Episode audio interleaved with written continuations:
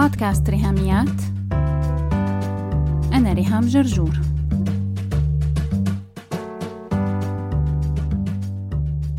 مرحبا. اليوم معنا خامس كتاب بسلسلة شلفي هو كتاب شهر حزيران يونيو 2020 وعنوانه Digital Minimalism.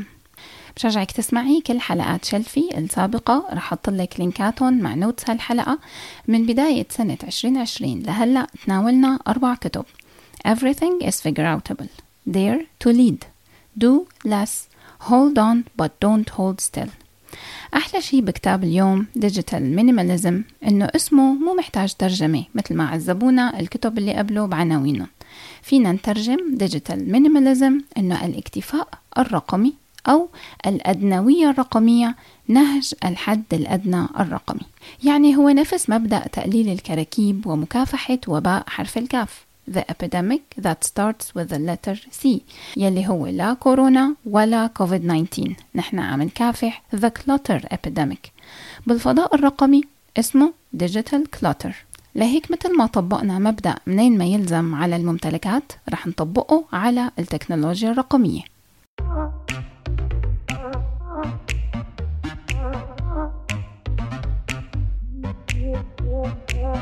حلقتين شلفي هدول عن كتاب Digital Minimalism أنا بتوقع أنهم يكونوا بيهموا جمهور من المستمعين الذكور وليس فقط الإناث. لهيك سريعا بدي أقول مرحبا بكل الشباب والرجال يلي متابعين حلقة اليوم. يا ميت أهلا وسهلا فيكم بحلقات رقم 73 و 74 وبكل حلقات بودكاست ريهاميات. لا تعتلوا هم بعد شوي بتتعودوا على صيغة المخاطب بالمؤنث. أهلا وسهلا بالكل مكانكم ومطرحكم. كال نيوبورت مؤلف كتاب Digital Minimalism بيقول Simply put, humans are not wired to be constantly wired. هاي بقى الجملة يلي رح تعذبنا بالترجمة بس ما قدرت طنشها لأنها من الأفكار الأساسية والمحورية بالكتاب. كلمة wire يعني سلك لما منقول إنه الجهاز is wired فهذا بيعني إنه مزود بسلك أو مربوط إلى سلك وهالسلك بيوصل ما بينه وبين شيء تاني. لكن لما منقول عن شخص إنه hard wired للأمر الفلاني فهون كلمة wired ما بتعني إنه موصول بالأمر الفلاني. هون wired بتعني إنه مجبول أو مصمم للأمر الفلاني أو متأصل فيه الأمر الفلاني. نرجع للجملة العبقرية يلي فيها لعب على الكلمات ذكي جدا. Simply put, humans are not wired to be constantly wired. يعني بكل بساطة الإنسان غير مجبول غير متأصل فيه وغير مصمم لأن يكون متصلا باستمرار أن يكون على اتصال دائم ومتواصل. فينا نترجمها لهالجملة بتصرف. الإنسان عيشته ما بتتسلك طالما هو متسلك أو المخ البشري متوصل إنه ما يضله متوصل. يعني تخيلي الشربكة يلي حاصلة بحياتك نتيجة كثرة هالأسلاك والتوصيلات يلي هي معمولة المفروض لتسهل حياتنا. لكنها صارت عم تشنكلنا وتعقد حياتنا بعقدها وتعقيداتها. المشكلة إننا مو واعيين لمحدودية الحركة والتربيطة يلي مربوطين فيها نحن. مو واعيين إنه هالأسلاك هي سلاسل حديد عم تكبلنا مثل المساجين. لأننا مو شايفين للأسلاك. لأنه كل شي صار وايرلس ونحن بلعنا الطعم.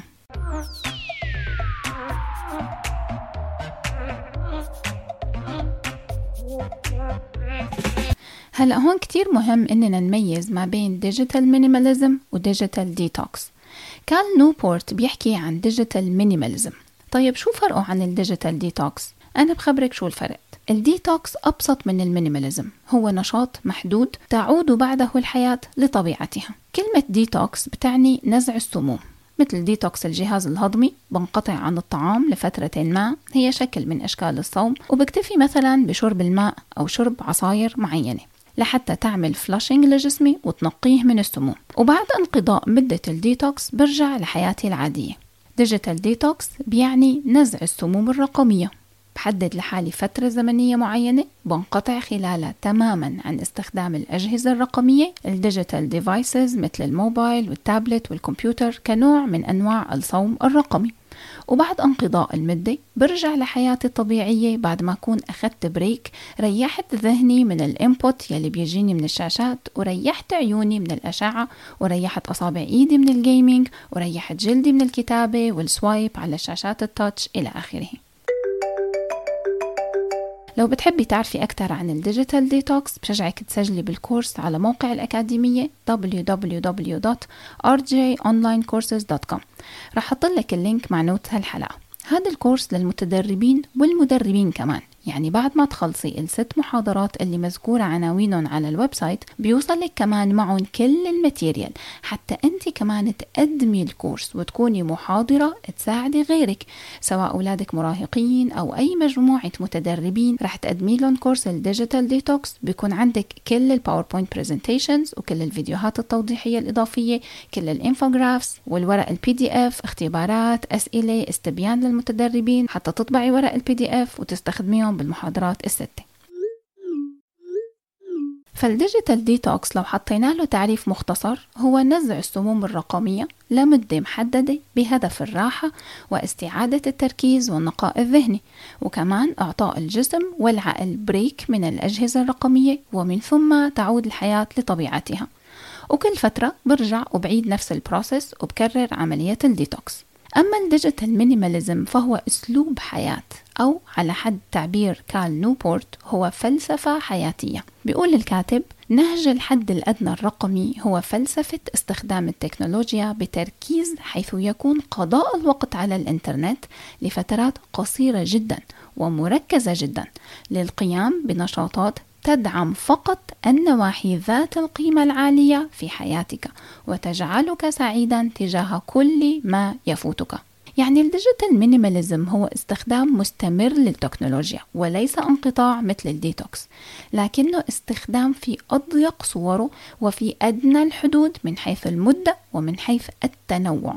ويشترط فيه أن يحقق أقصى فائدة مطلوبة ومتوقعة منه.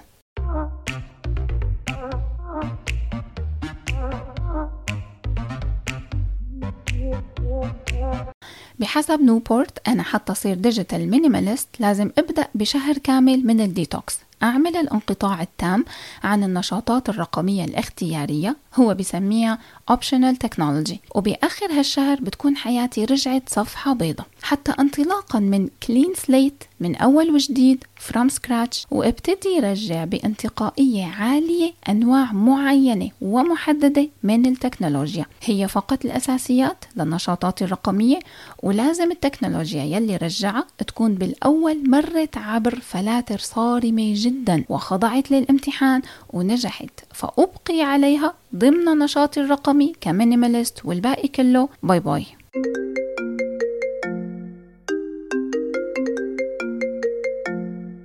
بيحكي الكاتب إنه هو أول مرة سمع عن فيسبوك كان بالبدايات خالص وهو بالجامعة. ظهر موقع اسمه thefacebook.com بربيع سنة 2004 صديقته جولي يلي هي هلا زوجته عرفته عليه وفتحت له بروفايلها وكان مجرد تبادل صور وأخبار عن ناس فقدنا الاتصال معهم عبر الزمن مثل أصدقاء المدرسة أو الناس اللي سافروا. بعد ثلاث سنين أطلقت أبل أول آيفون سنة 2007 ويلي فكرته إنه كان يجمع ما بين الاتصال الهاتفي وما بين الآيبود كجهاز تشغيل موسيقى وأغاني. لما ستيف جوبز قدم خطابه الشهير للتعريف بالآيفون وقت الإطلاق ضل يحكي طول النص ساعة الأولانية من الخطاب تبعه عن خاصية الاتصال الهاتفي. وبعدين لحتى تطرق إلى الخاصيات التانية تبع الرسائل النصية والاتصال بالإنترنت يلي هن كانوا وقتها وظائف ثانوية. بس اليوم هن أساس استخدامنا للآيفون أو أي جهاز هاتف محمول. إنه يكون عندي منبر أقدم من خلاله محتوى يعمل فرق حقيقي بحياة الناس وتحديدا بحياة المرأة الناطقة باللغة العربية حول العالم فهذا المنبر أنا بالنسبة لي بعتبره شرف. وهالمنبر مقسم لثلاث قنوات بودكاست ريهاميات يلي هو مدونة صوتية مسموعة وموقع ريهاميات dot com يلي هو مدونة مكتوبة مقروءة ويوتيوب channel ريهام جرجور يلي فيه فيديوهات مرئية. وهالثلاث قنوات؟ بيخدم عليهم صفحة فيسبوك وحساب على إنستغرام. لحتى حافظ على المحتوى إنه يكون مجاني ويكون كمان قيم من حيث المضمون ومن حيث الشكل كمان والقالب يلي بقدمه فيه. بحتاج إني أشتري كتب بحتاج أصرف على معدات وأدوات وكمان بكون عندي اشتراكات والتزامات مادية أونلاين.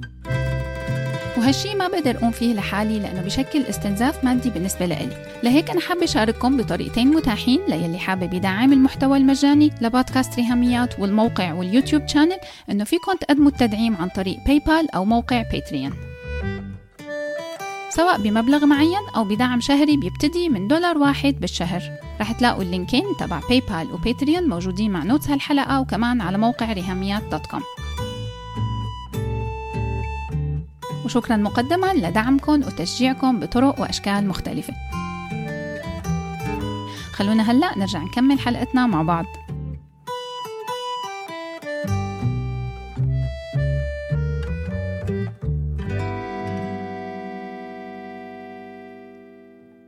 We did not sign up for this. نيوبورت قصده إننا وقعنا في الفخ أو بمعنى آخر. ما كان هذا الاتفاق من البداية إنه حياتنا يتم اختطافها بالكامل من قبل أجهزة رقمية هي التي لها التحكم التام بساعات يومنا بيستخدم كتير الكاتب كلمة hijacked و hijacking يلي هي نفسها تستخدم وقت اختطاف الطائرات لما الركاب بيتحولوا إلى رهائن. حياتنا تم اختطافها وساعاتنا وتركيزنا صاروا كلياتهم رهائن تحت رحمة مليونيرات ال business الرقمي في السيليكون فالي. ما حدا يصدق إنه لما فيسبوك أو إنستغرام أو تويتر أو ريدت بيجي بيضيف feature جديدة أو بحط خاصية جديدة فهو بكل براءة هدفه يسهل علينا حياتنا. لا. إطلاقا. هدول ال tycoons همهم الأول والأخير جني الأرباح وبيستعينوا بخبراء تسويق وأطباء نفسيين لحتى يفصلوا كل فتفوتة جديدة إنها تكون addictive أكتر وتخليكي تقضي وقت أكتر وأكتر على التطبيقات تبعهم مثلا لما فيسبوك أضاف خاصية ال notifications سنة 2009 اتصممت بالأول إن تكون زرقاء تماشيا مع لون ال application نفسه تبع الفيسبوك بس ما حدا عطاها اهتمام كافي. أول ما غيروا لون ال notifications للأحمر لون الخطر صارت الناس frantically تدوس على هالرقم الأحمر يلي طلع لهم. لتعرف كم like عندها وشو الأخبار على فيسبوك وكأنها مسألة خطر أو أمر حيوي جدا. وهلأ صار common belief إنه الفيسبوك is mandatory يعني معتقد شائع وسائد إنه امتلاكك لحساب فيسبوك هو من المتطلبات الأساسية بالحياة. لكن كال نيوبورت ما عنده حساب فيسبوك وكل ما رفقاته بيحاولوا يقنعوه بيسألون ليش أعمل حساب؟ بيقولوا له لازم بيقول لهم تمام okay بس ليش؟ برضه ما في جواب هاد بذكرني بحلقة رقم 10 و11 من بودكاست ريهاميات لما حكينا عن المعلقة الخشب المكسورة نرميها؟ لا بتلزم طيب لشو بتلزم؟ هل وظيفتها تستاهل المكان يلي محتلته بدرج الملاعق؟ هل فايدتها تستاهل اقتناءها أم أنه ضرره أكبر من فايدته؟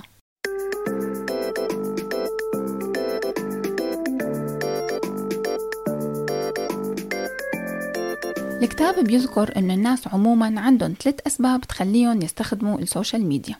واحد إنها تساعدني بتطوير شغلي وال career تبعي. اثنين إن وسيلتي للتواصل بتخليني connected. ثلاثة إن طريقة ترفيه وتسلية بتعطيني entertainment. حلو كتير لا غبار عليها هالأهداف الثلاثة يعني أنا محتاجة ال social media مشان هالثلاث أمور career connection entertainment هون بيجي السؤال هل يا ترى ال digital devices وال social media عم تحقق لي هالثلاث أهداف؟ طيب شو هي التكلفة يلي أنا عم أدفعها؟ هل الثمن يستاهل؟ وهل فعلا ال social media هي الطريقة الوحيدة والأفضل لتحقيق هالأهداف الثلاثة؟ حتى يجاوب الكاتب على هالأسئلة بعت إيميل بشهر ديسمبر 2017 لل mailing list تبعه عم يسأل مين مهتم بتجربة بخصوص البحث لهذا الكتاب. وقال إنه هو محتاج متطوعين لمدة شهر ينقطعوا عن ال optional technology ويتابعوا معه التطورات نحو التحول لأسلوب حياة ال digital minimalism بيقول الكاتب إنه وقتها توقع يرد عليه شي 30 أو 40 مشترك شجاع إنهم يقولوا okay أنا معك بال digital minimalism خلال شهر يناير ومعك بالمتابعة خلال شهر فبراير 2018 المفاجأة كانت أنه أكثر من 1600 شخص اشتركوا بالبحث ومن هون كال نيوبورت طلع بمستخرجات هذا الكتاب. وواحدة من هالمستخرجات أنه نعم أستطيع تحقيق أهداف تطوير ال career وأهداف التواصل وأهداف التسلية بعيدا عن ال social media.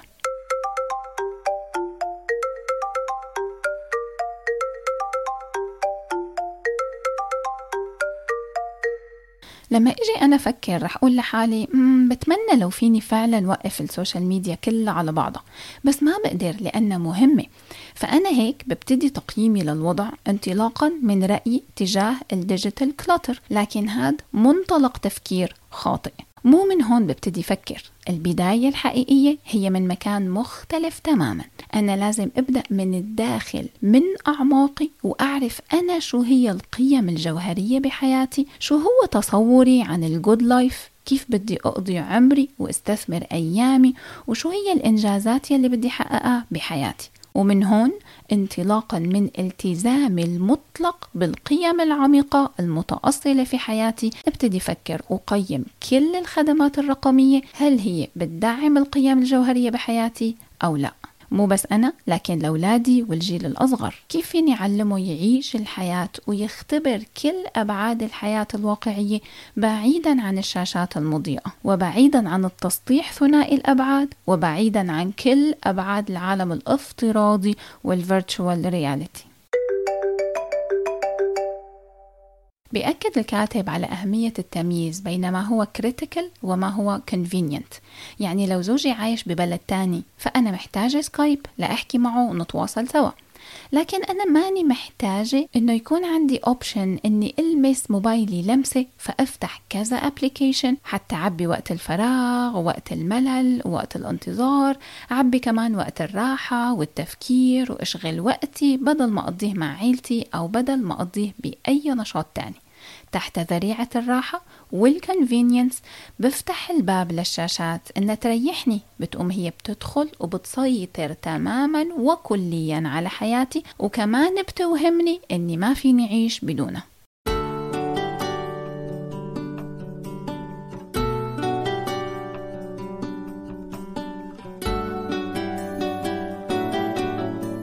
في جملة حابة أقرأ لك إياها مثل ما هي بالكتاب. Low value activities clutter up your time and attention and end up hurting more than they help. النشاطات ذات المردود القليل تتكدس لتشغل وقتك وانتباهك وينتهي بها الأمر لإيذائك أكثر من مساعدتك. Minimalists don't mind missing out on small things. What worries them much more is diminishing the large things they already know for sure make a good life good. لا يمانع صاحب منهج الحد الأدنى أنه قد يخسر أمورا صغيرة لأن خوفه الأكبر هو من تلاشي الأمور الأهم والتي تجعل من الحياة حياة جيدة.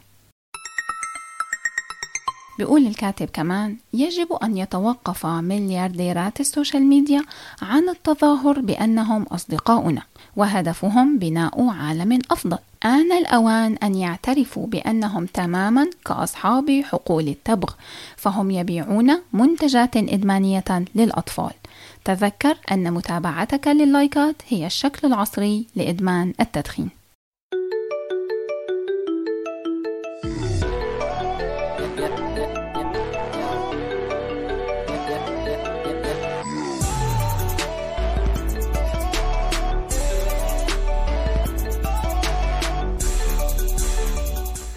الأولاني من الكتاب بيأكد على حقيقة أنه الكراكيب مكلفة. Clutter is costly.